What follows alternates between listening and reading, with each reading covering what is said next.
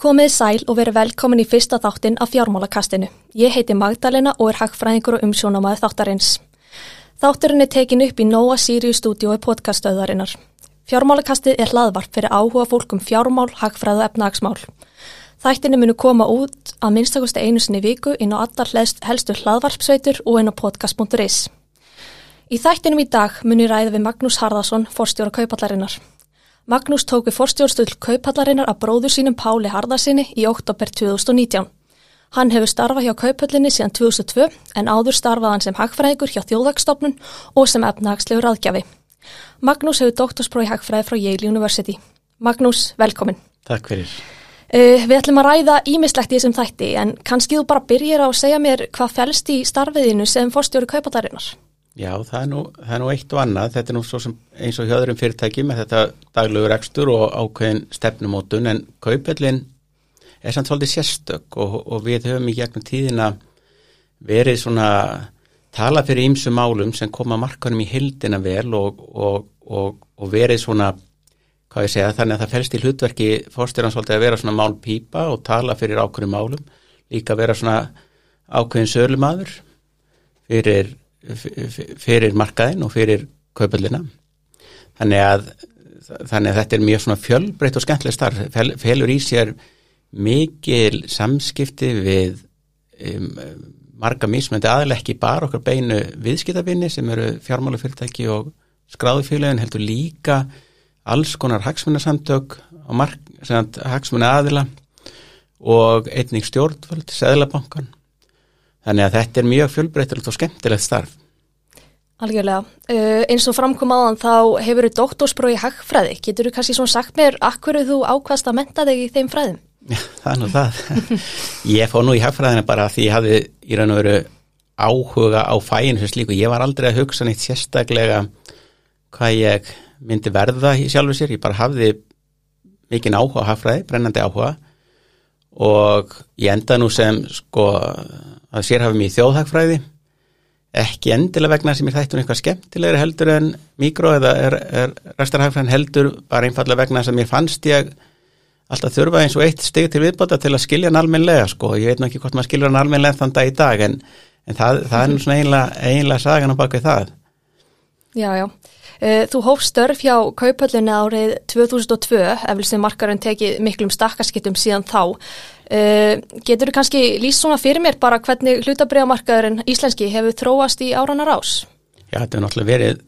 náttúrulega rússipana reyðir eindar sko. Eh, það var mikill uppgangur hér náttúrulega fyrir fjármálar hrunið en kannski ekki alveg á eins við hefum kannski ekki alveg eins tröstum grunn og við hefðum viljað e, en hann hefur þróast í, mikið í árun ás orði kannski svona e, vissuleiti, vissuleiti alþjóðleiri þó mætt, þó þátt að gærlindra fjárfæsta mætti vissulega vera, vera, vera meira á honum. E, það náttúrulega voru mjög mörg félug skráð um það leiti sem ég e, hóf störfi í kaupöldinu og reynda tveimur árum ári ég hóf störf þá var með fjöldi í kaupöldinu 75 fyrirtæki. Síðan fjölgaðin fjármag var ódýrt og ódýrt að taka fjölu á markaði. E, og þeim fækka allir mikið fyrir hrunið en, en, en markasverða töluveld og svo náttúrulega náðu við ákveðin lágpunkti þarna rétt eftir hrun í einum 11 fyrirtækjum. Og reynar færri íslensku fyrirtækjum þarna voru nokkur uh, félag frá fræntið okkar færium sem voru, voru skráð þessum tíma. En síðan hefur nú leið, leiðin leið upp á við og þetta hefur verið svona uh, svona gengið svona jaft og því ett sundum hefur viljað að þetta gengi hraðar en, en, en þetta hefur allt hérna við svona unni markvist og að, þessu að, að, að stækka markaðin og auka tröst á honum. Og núna eru samt, frá því að það voru bara 11 félagskráð þegar fæst var þá er núna 26 félag og við erum sko svona sem hlut allar markasýrið, mæli hverði sem nei af landsfæðmesslu, svona markasýrið hjá okkur sem er oft notað svona sem á þróuðu mörgum er þetta oft vel yfir 100% jáfnvel upp undir 200% við erum núna stendum með markastýri skráða félagi svona cirka 80% sem er bara mikil aukning bara á síðasta ári það næst, næst í, í tvöföldun. Þannig að þetta er sem betur fyrir og vöxturinn á þessu hefur nú verið svolítið ólinlegur og núna erum við að upplifa einlega mjög óvinnilega tíma. Við hefum fengið fjóra nýja skráningar þessum ára ári. Og horfum fram á fleiri skráningar í hausti allavega fyrir áslokk við erum að gera okkur vonur um mögulega þrjár skráningar fyrir áslokk og svo einhverja fleiri á, á vormánu þannig ég gerir mig góða vonur um að við náum 30 fyrirtækja markinu næsta vor þannig að, þannig að við erum að upplifa svona má, má segja sko ef við náum þessum þremur í, í haust núna eða fyrir ára móta þá náum við fleiri skráningum en frá, frá bara aldamótum á einu ári. Já, frábært. Hérna, nú um síðustu mánamót þá tók MIFID 2 tilskipunin gildi hér á landi. Getur þú kannski byrjað á að útskýra bara hvaða breytingar félast í því og hvort þú tellir þess að breytingar verður til góðs? Já, sumtaðis er náttúrulega svo sem svona sæmila tæknilegst eðli, sko MIFID 2 var hugsað svona sem umbætur á MIFID 1 sem var innlegt hér í 2007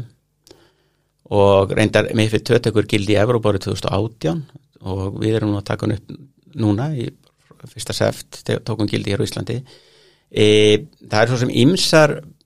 breytingar sem þarna eigur sér stað. MIFID 2 var hugsað til að auka svona gagsægi bæta úr því sem kannski fór með í MIFID 1 ég held að það hefur ekki alveg mörgulegt ekki alveg tekist sko. Og ég hugsa MIFID það verður nú reynd að taka um sig öllu MIFID 2 í MIFID 3 e, e, sko ef ég sko eins og ég segi þetta er náttúrulega nokkur veldi frek, frekar tækla þannig ég veit ekki hvað, hvað ég farin er í einstakar lið en, en við má bara allavega byrja því að tala svona svolítið e, svona tala um breyðulínunar í svona þessum, þessum ég tel að, að, að MIFID 2 hafa áhrif hér á, á markanum sko þá sko MIFID 2 er ekki hannað endilega fyrir sko smerri marka, það er ekki endilega tekið tillit til þess hvernig viðskiptin eiga sér stað eða hversu stóri markaðnir eru eða það, það er oft svona það er svona vissuleiti er svona bara ein lína fyrir alla, það er sa, sama lína lög fyrir Ísland og, og, og, og Þískland og Breitland á sínum tíma þó Breitland síðan alltaf komið út úr Európa-sambandinu núna. Þannig og það, það er náttúrulega tölvuru kostnar við einlega þetta. Þannig að þannig að tölvert þungt regluverk. Þannig að sko að einu leitinu myndi ég að þessu leitinu finnst mér innleggingin ef maður byrja bara á, á áhrifunum innleggingi vera vissuleiti að þessu leitinu er hún, er hún neikvæð en hún er og en hún er alls ekki auðvitað mjög margt í þessu sem eru bara svona almennar og góða reglur svo ég takki það nú alveg skýrt fram bara mjög bara almennar og heilbreyðar reglur um hvernig viðskipti og eiga, eiga, eiga sér stað á á, á mörgum með fjármálagjörninga en það sem er kannski, ég myndi segja svona á þessu stíð, svona breyting breytingi sem verður við þessa gildistökum myndi ég segja að væri kannski stærsta jákvæð breytingir er einfallega svo að við erum að færa okkur þá e, til samræmis við aðrar Evrópithjóður, við erum að færa okkur inn í sömu löggjöfuna og þær hafa. Þetta eru það löggjöf sem aðrar sem, fjárfestar, erlendi fjárfestar þekkja og eru búin að aðlaga sig að þannig að ég myndi ætla að, að, þetta er svona greiðin svona frekar e, veginn fyrir erlenda fjárfesta inn á markaðin veg, veg, vegna þess að þetta er einfallega þá bara sama umhverfi og þeir er að vinna í dagstæglega. Já, þannig býstu við í kjölfara þess að fleiri erlendis fjárfestan komi á markaðin? Já, svo er náttúrulega spurning hvernig þessi sko jákvæðan eitthvað er svona balanserast sko en já ég held, ég held það ég held að það sé reynda margt. Ég, ég, ég, hef svona frekar trú á því. E, en, en svo er þetta ég sér aðri þættir sem er að vinna með okkur líka sem, sem ég tel að muni stuðla að aukinu þáttöku erlendra fjárfæsta Algjörlega, uh, nú stýttist heldur betur í kostningar hérna uh, eru einhverju svona lagabreitingar eða einhverju svona breytingar sem þú myndi vilja sjá uh, til að stuðla betur að fjárfæsta um hverju? Já, maður er nú alltaf með óskalista.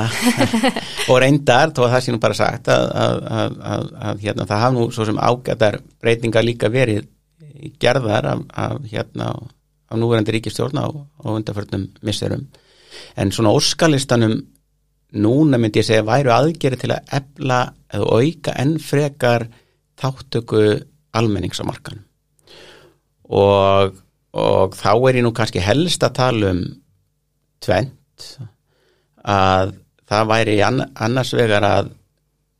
að hérna, gera ráðstöfun viðbóta lífeyrispartnar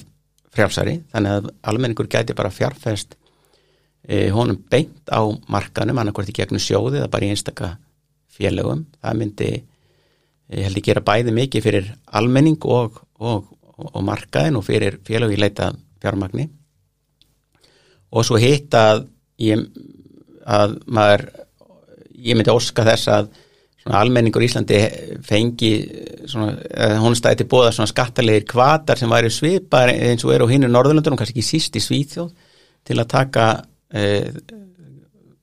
hérna, þátt á markanum með kröftur í hætti. Og, og, og það skal reyndar því skal nú reyndar haldið til haga að, að það var nú gerð breyting til góðus í, í þessa veru um síðastlein áramóti og þá var, var hérna söluhagnar og arður á skráðanfélagum færður undir frítekjumark sem aður náði bara til varstatekna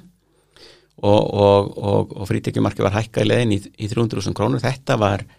e, skrefti góðs en, en, en, en fær í gerð og jafnaði þá stöðu tekna af skráðum félagum við, við vakstatekjur en eins og ég segi það er náttúrulega alveg sérstakir skattalegi kvartan hins vegar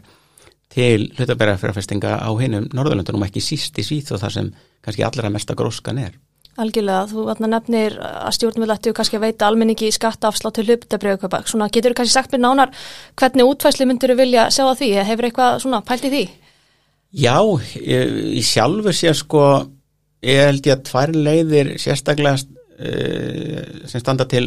bóða myndi ég segja, það er annars verið þessi gamla íslenska leiðin eða það sem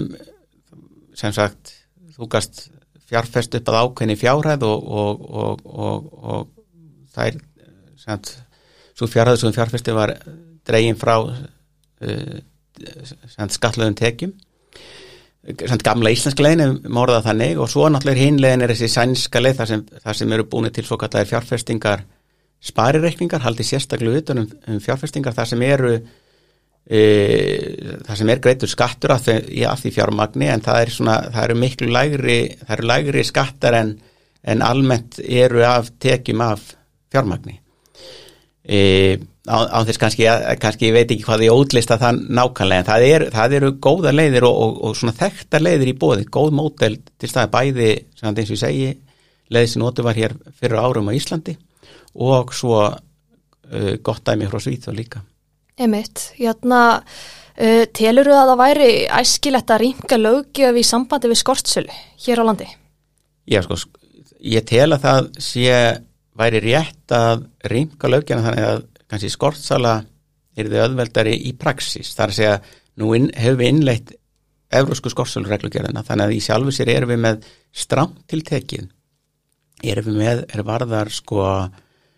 umgjörðum skortsöluna sjálfa er sambarlegu er í Evrópa núna, þannig ég tel að svo umgjörð í sjálfu sér sé á ágættum stað. En hins vegar er e, til þess að skortselja þá þarf það að fá lánuð bref til að selja svo. Bref, bref sem þú átt ekki en fara lánuð. Og á Íslandi er ekkit volið öðvelt að fá hlutabref eða verbref sérstaklega ekki hlutabref lánuð og þarna held ég að megi gera mikla bragabót á löggefinni, reyndar var e, að því að varðar verbreyf að sjóði, þá var þengjast öðvöldara að lána verbreyf núna í, með lagabreiting í vor. Það þyrti að tegja samsk, samskonar ákvaði yfir í fjárfæstingasjóði líka. Og það þyrti að hérna að gera lífriðsjóðum kleift að lána verbreyf, það held ég skipti miklu máli því að þeir eru annar staðar eru svona langtíma fjárfæstar eins og kannski sérstaklega lífeyrisjóður og jú verbreyfsjóður sem halda lengi á breyfum þetta eru svona alveg náttúrulega kandidata til að lána verbreyf þannig að ég held að veri mjög brínt að breyta bæði lögum er nátt til fjárfæstingarsjóðu og alveg sérstaklega lífeyrisjóða til, til samræms við það sem gert var samræmsjóða breytingu sem gerð var á lögum um, um, um verbreyfsjóði e, núna e, í, fyrir sömarið Einmitt. Nú að því við erum að ræða skorstulu, ég held að sé óta að segja að skorstal hafi kannski á sér svona tiltöla neikvæða ímynd. Af hverju tilur það sé og tilur það að muni eitthvað breytast með kannski aukinni fræðslu eða eitthvað stöðulegis? Ég held að fræðsla sé ofbáslega mikilvæg í þessu vegna þess að nú er það nú þannig að þetta, fólk getur keift og það getur selt verbreyf og það má segja að það er ekki ákveðin jafnvægi en þú getur náttúrulega fengið lán til að kaupa bref og það var æskilegt að það var auðvöldra skortselja til mótuvæs við, við, við, við þau öflóð. Það má ekki gleyma því að, að skortsala eins og hún getur nú oft uh, hún hefur ákveð óorð á sér að þá held ég að það megi ekki gleyma því að þeir sem skortselja er oft öflugustu eða meðal öflugustu eftirlits aðila á markanum. Skortsalar hafa oft uppgötað eitthvað misjæft hjá fyrirtækjum löngu áður en eftirlistæðilega gera það og eru, og eru þar með til, til mikil skaks og þeir eru líka gaglið við það einfallega að koma í vekk fyrir bólur. Það er miklu betra að verðlagning sé bara sem heilbröðust og tröstust að jafna því og, og að, að, að skortsalar aðstof við að, að halda eh, bólumyndun niðri frekar en að bólum sé leift að myndast alveg óhindrað og, og, og springi með einhverjum kvelli. Einmitt. Hérna, nú er skipuluð markaður fyrir afleiður ekki til staðar hér á landi. E, Tilur að það væri efnagslífinu til heitla að koma slíkum markaði á laginnar? Já, ég held að þetta, þetta er alveg bráðnauðslegt skref á vegi okkar til að tellja svona þróaður verbreyðamarkaður og sem er reynda bara staðfest af svona matsaðilum sem taka út verbreyðamarkaði að þá er skipuluður afleiðumarkaður einna mælikvarðanum sem þú þarfst uppfylla til að bara komast í, í, í flokk þróaðara þjóða sko, eða þróaðara verbreyðmarkaða þannig að það er mjög mikilvægt og við erum nú einmitt að, að, að, að fara að skoða þetta þessa dagana að kanna grundvöldin fyrir aflöðumarkað á þessu, þessu stígi og sem við teljum nú að grundvöldur fyrir slíku markað sé nú að nálgast hérna. Og ég til þetta sé hefði líka bara mjög góð áhrif á markað með þessa undir sem sagt þessa bara með, með hlutabrif almennt sko. Þannig ég, þetta er eitthvað sem við erum mjög spennt fyrir að, að, að koma á í, í, í samstarfi við e, aðra markasadala við verðbriða fyrirtækinu og bankana. Og ég held að maður er að tala um sko maður er með ákveðin óskurista frá stjórnvöldum um hvað er hægt að gera til að bæta markaðin en að nokkru marki verður maður líka líta til sjálfsins og, og kaupallarnar og markasadalinn og þetta er eitthvað sem við í kaupöllinni og, og markasæðin getum gert í, í saminningu til að lifta markanum á, á harra plan. Einmitt. Hérna þáttaka almennings hefur aukist á íslenska markaðunum til að myndi í tengslu við frumúbúð Íslandsmokka og allir þessi hlutafjör úbúð. Uh, telur á munni aukast meira en frekar á komandi misserum? Já, ég held að hún er eftir aukast tölvört mikið. Það hafa náttúrulega ríkt hérna ákveðna kjör aðstæður fyrir því að, að að fyrir aukinni þáttöku núna svona, svona undarfarið 1-2 ár með mjög lágu vakstastígi og mjög háum innstæðum á böngum og við setja að leita ekki bara inn á hlutabriðmarka heldur líka inn á, á fastegnamarkaðin þannig að ég held en, en, en með þessi sko þetta lágu vakstastígi var svona ákveðin e, grunnur eða myndað ákveðin grundut fyrir því að, að, að almenningu færa að líti aftur til annara fjárfestingkost en bara liggja með fjöin og reikningum. Og, og ég held sko að núna með aukinni þáttöku þá myndast ákveðin þekking og það myndast ákveðin áhugi. Og, og jáfnvel þó vextinni fær eitthvað aðeins aftur upp þá er þessi þekking áfram til staðar og þessi áhugi e, hefur myndast. Held, og, og ég held reyndar að, að vextir svo sem sé ekkit að fara að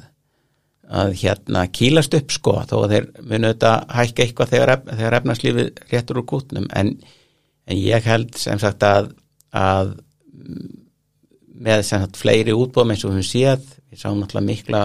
þáttöku hjá Æslandir grúp sérstaklega og, og til, í fyrra og svo náttúrulega með þáttaka hjá, hjá Íslandsbanka í, í sumar og reyndar frábær þáttaka hjá Play, Semok, Solid Clouds og ég sé þetta alveg, alveg halda áfram og, og, og, og við, við, við hérna og fleiri, við og bankarnir og fleiri aðalar eins og til dæmis Fortuna Invest erum að leggjum mikið upp úr fræðslustarfi og erum að erum svona að gefa í þar og það held ég sé alveg það ég, sko, það er svo mikilvægt að með þessir auknu þáttöku og þá hún, hún, hún gerir svona grundvelli þekkingar og yfirvegunar en ekki svona þessi bara hoppa á næsta vagn. Og þannig að við leggjum mikið upp úr því að, að, að, að auka fræðslana hjá okkur þess staðana.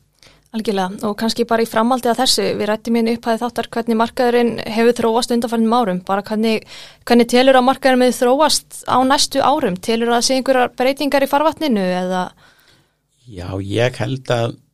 sko ekki muni bara almenningur koma meirinn á markaðin, ég held að erlendir fjárfærstamönu líka leita meirinn á markaðin, bara eftir því sem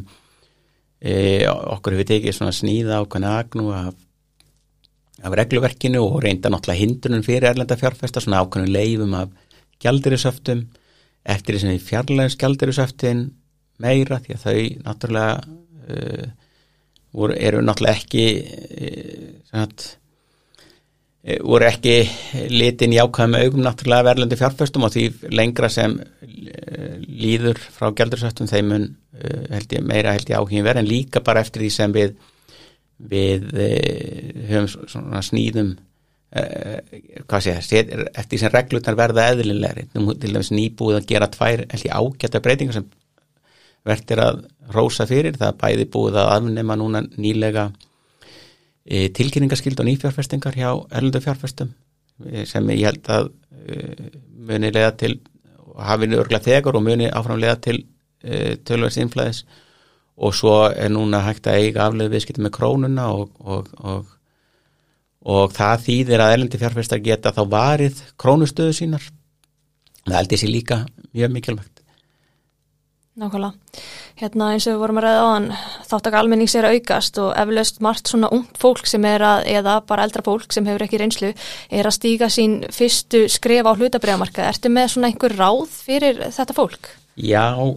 kannski bara að, að, að hérna fara varlega sko, bara fara fetið Nákvæmlega. og fræðast ekki hérna hoppa endil á brefið sem mest er talað um þann daginn heldur, heldur bara einfallega að reyna að taka svolítið yfir við ákvön og ef fólk hefur ekki tíma til að til að greina þetta sjálft eða leita sér góður raðgjörum í hvaða brefið með fjárfesta þá er náttúrulega hægt að fara í, í, í sjóði og, og, mm. og fjárfesti gegnum, gegnum þá, láta aðra og uh, fjárfesta þannig eða fyrir sig sko. Nákvæmlega. Hérna er svona einhver bók eða bækur sem að mælir með fyrir fólk sem hefur áhuga á fjármálum og efnahagsmálum og vil læra meira? Já, ég held sko að þeir sem er að koma nýjir inn á marka þeir, þeir hérna er mjög gott bara að, að lesa svona ákveðin svona grunn fræðslubækur um markaðinu og það er nú mér hérna þetta nú helst í hug svona tvær tiltöluða nýjútgefnar, ég endar önnur þeirra nokkur ára Eh, bækur hérna sem innlendir aðlar hafa rita, það er hérna lesið í markaðin eftir Sigur B. Stefansson og hana Svandísin Rún Ríkarsdóttur sem ég held að sé mm. væri mjög góð byrjun og svo líka ef maður vil vika svona taka þetta fjármálalæsið í víðara sammingi þá er eh, til dæla ný bók eftir hann, eftir hann Gunnar Baldvinsson hjá almenna lífeyrisjónum hérna farsalskref í fjármálum. Það eru, þetta eru svona tvær bækur sem ég held að væri hægt að benda á og mæla með. En ég held líka bara það til alveg náttúrulega ógrin af efni á netinu. Þannig að og, og, og svo svona maður mælu náttúrulega bara líka með að fólk e, ræði við þá sem við, við fólk í nærumkörun sem hefur þekkingu. En eins og ég segi það er mikið magn á netinu. Við erum, höfum verið staðið fyrir fræðslu viðbyrðum sem eru til og með aðgengilegar á Facebook síðan okkar. Hérna Fortune Invest náttúrulega hefur komið mjög stert inn í þetta fræðslu umkörfi og bankarnir eru að standa sér vel í því líka með, með, með hérna fræðslu fyrirlestra og, og hafa til dæmis líka gert það í samverðinu við okkur þannig að, þannig að það er mikið magn af, af, af fræðslu ef, ef fólk bara leitar, leitar eftir henni. Já, einmitt, bara fullt af efni og bara um Já. að gera að kynna sér að maður hefur áhuga á þessu og kannski byrja á að kynna sér þetta áður en maður fer að fjárfesta. Algjörlega. Það er hérna kannski eitthvað sem ég finnst stundum gleymast. Uh, hérna, en svona í lokin á léttara nótunum, bara vil ég kannski spyrja þig svona hver er þín helstu áhugamál, svona hvað er þessi skemmtilegast að gera að vinna lokinni? Já, vinnu, já ég, mér, mér finnst óskalvað gaman að, að, að skokka að hlaupa, ég, það er svona mín leið við að bara svona, svona slettinu svona sóna út bara og að fá alveg gríðalega góða af, afslöpun, það er ég gæti sko staðið og brett og bara horta á vekkin sko, þó mér finnst nú skemmtilega að hlaupa úti sko þá er það, það er svona góð stund með sjálfum sér, finnst mér mm -hmm. gríða, gríðarlega góð stund með sjálfum nú svo er ég náttúrulega mikill Liverpool maður eins og margir aðri góði menn fylgist, fylgist hérna með hótbolta nú svo bara finnst mér ofbólta notalegt bara að vera heima með konunni og við erum bæðin svo sem frekar heima kær og, og, og hérna bara eiga notalega stundur með henni Nákvæmlega. Hérna, er eitthvað fleira sem þú vilt taka fram á lokum, svona einhver loka orð? Ég ekki nefn, svona, já, við hefum svo sem farið um víðan völl en það er kannski helst það bara að, að hérna, ég er svona frekar bara bjarsýtn á margar næst árum. Ég er nú ekki að tala um verðþróun núna heldur bara e, svona almenna umgjörð og, og, og þróun markaðarins. Hann verði, það sem segi, kalla mætti bara þróaðari og ég er mjög bjarsýtn á, á hérna aukna, aukna virkni og, og, og að markaðar minni stækk og dafna glæsilegt, frábær loka orð. Magnús, þakka er kærlega fyrir komina. Takk fyrir mig Fjármálakastið verður ekki lengur í dag en ég vil þakka ykkur kærlega fyrir hlustunina og vil hvetja ykkur til að fylgja fjármálakastinu á Instagram en þar komu upplýsingar um nýjustu þættina og fleira skemmtilegt efni er væntalegt. Verið sæl.